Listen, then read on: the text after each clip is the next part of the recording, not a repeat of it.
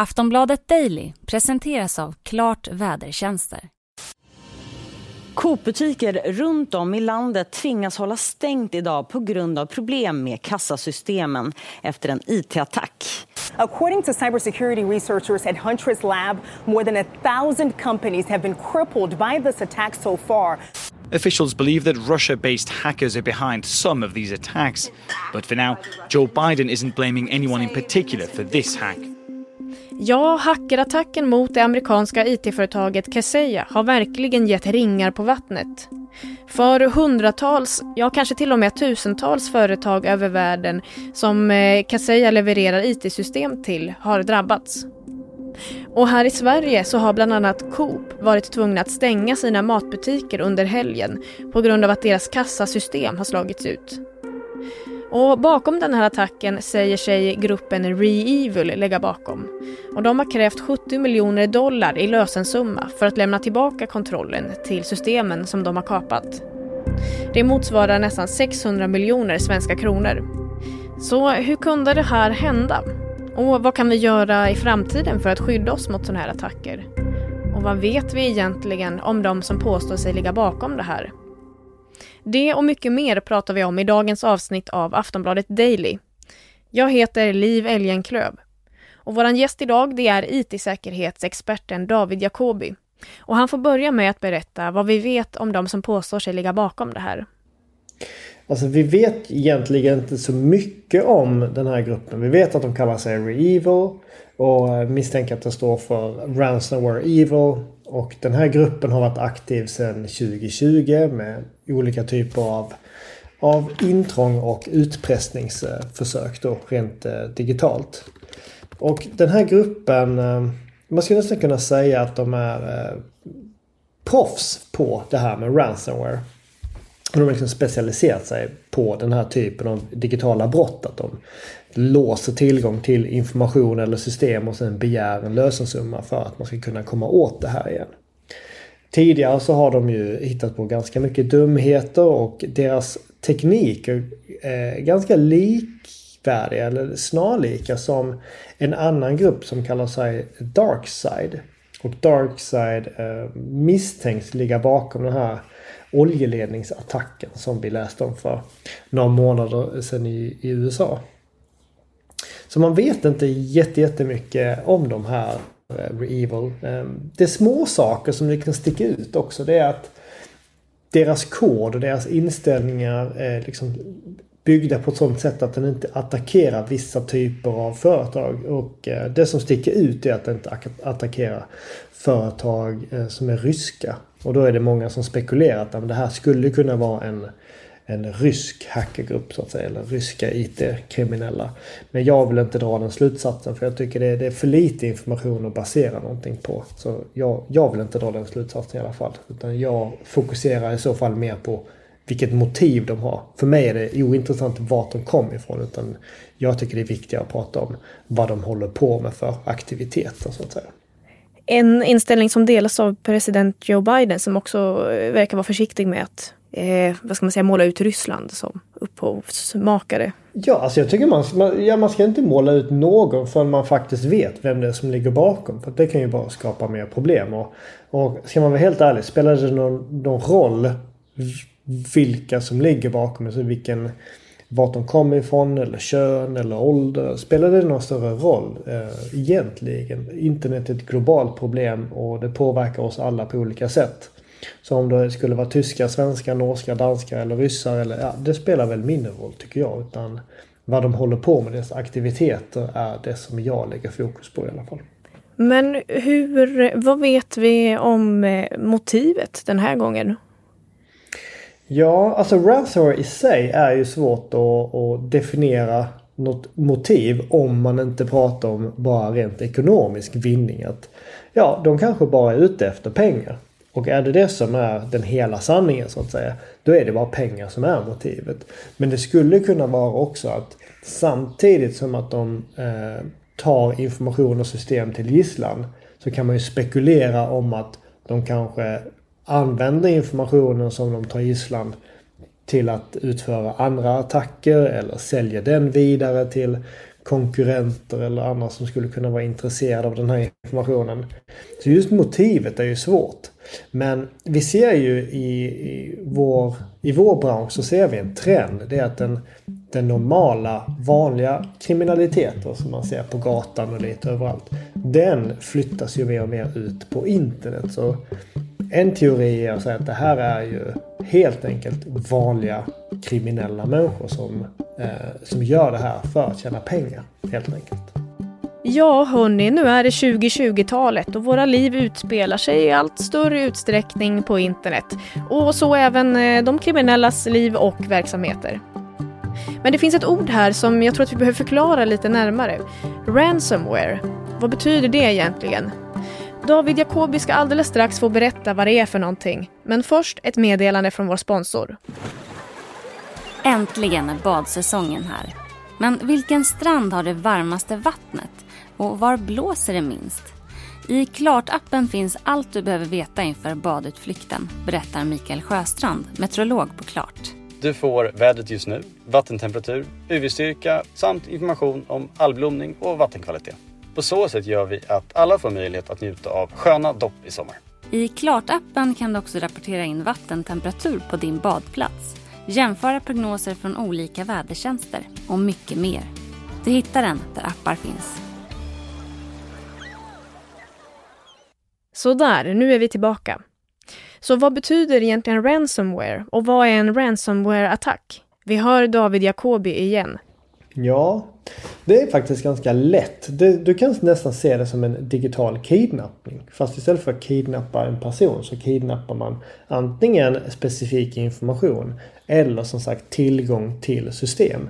Så det är, det är kriminella som på något sätt får fotfäste in på ett företag. Kanske att de hackade via sårbarheter eller läckta lösenord eller något sånt där. Så när de väl har fått fotfäste så, så, så försöker de höja sina behörigheter så att de får administrativa behörigheter. Så de får så mycket access inne på det här hackade företaget som möjligt. Och sen har de eh, ett litet program som går igenom alla system som de har tillgång till och krypterar den här informationen, alltså gör informationen oläslig. Och sen begär de en lösensumma för att kunna låsa upp den här informationen igen.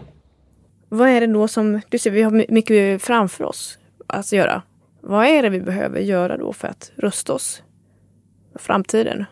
Jag tror ett, man behöver ha förståelse för att vi är nu i ett slags skifte. Vi går, jag ska inte säga att vi går från analogt till digitalt, men vi är någonstans mitt emellan. Att vi börjar jobba otroligt mycket mer digitalt i vårt samhälle. Vi digitaliserar sjukvården, vi digitaliserar e-handel, vi digitaliserar väldigt mycket i vår vardag.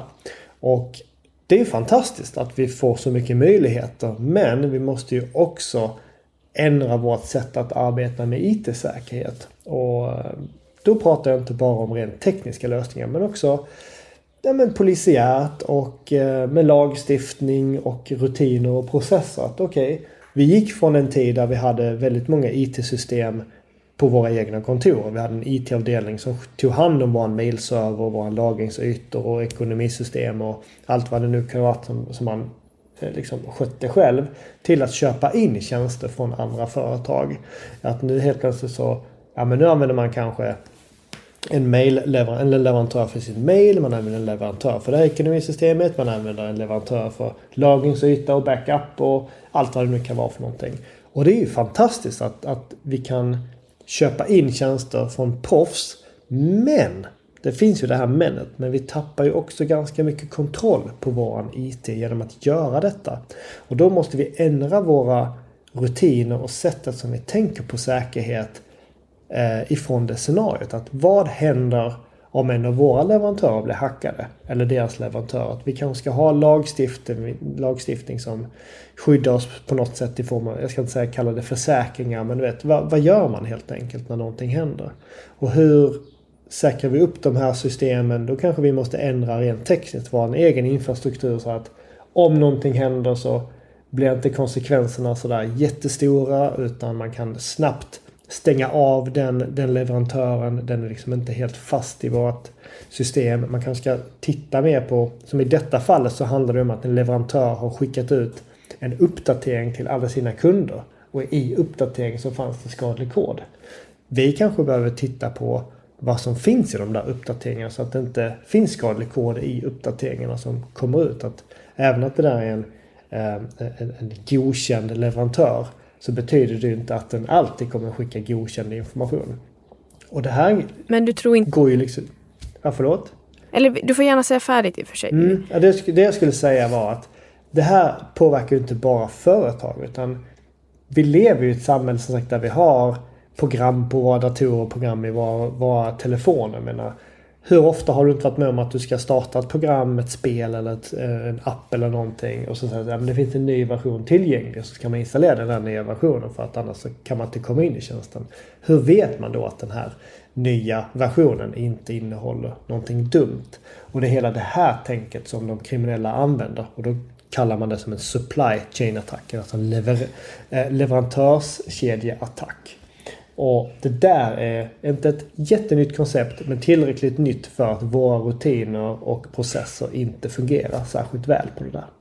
Alltså 600 miljoner kronor har ju begärts i lösensumma för att då lämna tillbaka tillgången till systemen. Eh, vad ska, hur ska man liksom bemöta det? Är, är det bara att hosta upp de här pengarna eller kan man göra någonting annat för att komma tillbaka eller försvara sig? Ja, för det första så rekommenderar jag ju inte att man betalar den här lösensumman för att då ger man lite mer kött på benen för de som håller på med detta. Då, då, då visar man att de här attackerna fungerar och att det är eh, ekonomiskt försvarbart att hålla på med detta. Och vi vill ju förminska attackerna, vill, eller förminska antalet attackerna. Vi vill ju inte se fler av den här sorten. Så att betala tycker jag inte alls är särskilt bra. Och sen kan man ju liksom spekulera i den här lösen, lösensumman då. Eh, går det som sagt bara att hosta upp pengarna och betala? Nej, tänk om det inte finns en garanti att man får tillbaka informationen. Då har du betalat väldigt mycket pengar och inte fått någonting för det. Det är inte så att du kommer få ett kvitto på att du har betalat och att eh, du, du kan ringa någon supportavdelning och säga det, det funkar inte. Utan du, du, du förhandlar ju faktiskt med kriminella just nu. Så är det. Det ska man ha väldigt klart för sig. Men vad gör man då istället? Kan man återta? Ja. Liksom hacka tillbaka den här hacken? Eller hur man ska säga. Ja, ja men det, exakt. Du, du är lite rätt på det. Att du kanske kan, för det första kanske du ska identifiera hur, hur gick det till från första början? Hur fick de in den här skadliga koden? Hur fick de tillgång till systemen? Ja, Okej, när man har identifierat det då kan man ju stoppa den vägen och då kan man börja arbeta på att bli av med systemen och kanske återställa systemen. Men det kan ju vara så illa, vilket jag hoppas att det inte är, det är att de här systemen har så pass känslig information att man måste ha den informationen som finns just där just då. För har man backup till exempel, men då kan man börja med arbetet på att installera om de här systemen och få upp systemen en gång till. Men om jag försöker göra någon jämförelse som, som alla kan förstå det är med, med, bilder på barn till exempel. Eller semesterbilder. Så att, ja, men du har ju tagit bilder en gång i tiden.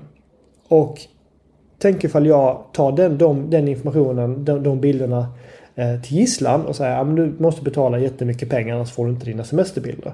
Det är inte så lätt att bara säga så här, ja men det är lugnt, jag tar nya bilder. Barnen är bara små en gång. De, du kanske måste ha den informationen. Och då har man ett problem. För att då måste du på något sätt liksom knäcka krypteringen eller få tag på de här nycklarna. Liksom låsa upp koden på något sätt. Och det är inte någon garanti att det där går. Eh, det är ganska komplicerade eh, krypteringsalgoritmer som används i de här fallen. Ja, det säger David Jacobi som är IT-säkerhetsexpert. Och eh, det var allt från Aftonbladet Daily för den här gången. Jag heter Liv Elgenklöv. Vi hörs snart igen. Du har lyssnat på en podcast från Aftonbladet. Ansvarig utgivare är Lena K Samuelsson.